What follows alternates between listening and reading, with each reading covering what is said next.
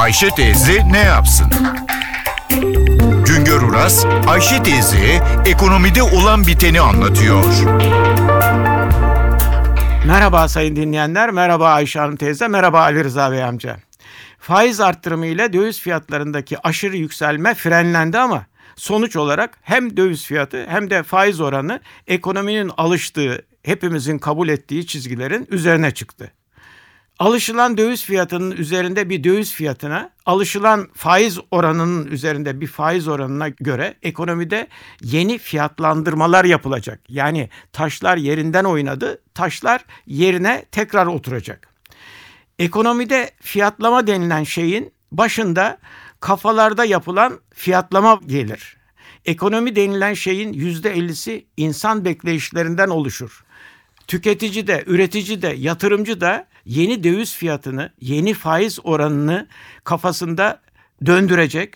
Bunlara göre de bundan sonra yapacağı, neler yapacağını, nasıl karar alacağını, nasıl hareket edeceğinin politikasını oluşturacak.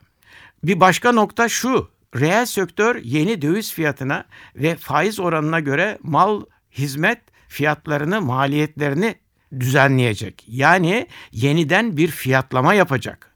Özetle gündemde hem kafalarda hem de uygulamada yeni bir fiyatlama var. Sonuç olarak talepte, arzda yeni şartlara uyum süreci başlıyor.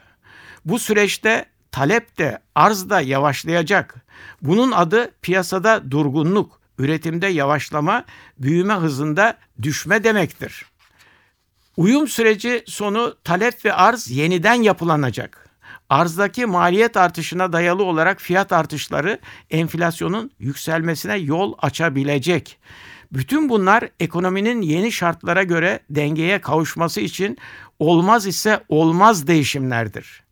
Biz döviz ve faiz fiyatlarındaki değişimler sonucu benzer yeniden yapılanma dönemlerini, deneyimlerini daha önce de yaşadık.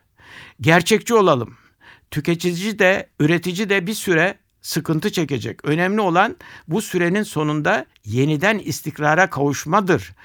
Ekonominin kısa sürede düzene ulaşmasıdır. Ümit edelim ki en fazla 6 ay içinde ekonomide yeni dengeler oluşabilir. Bir başka söyleşi de tekrar birlikte olmak ümidiyle şen ve esen kalınız sayın dinleyenler. Güngör Uras'a sormak istediklerinizi ntvradio.com.tr adresine yazabilirsiniz.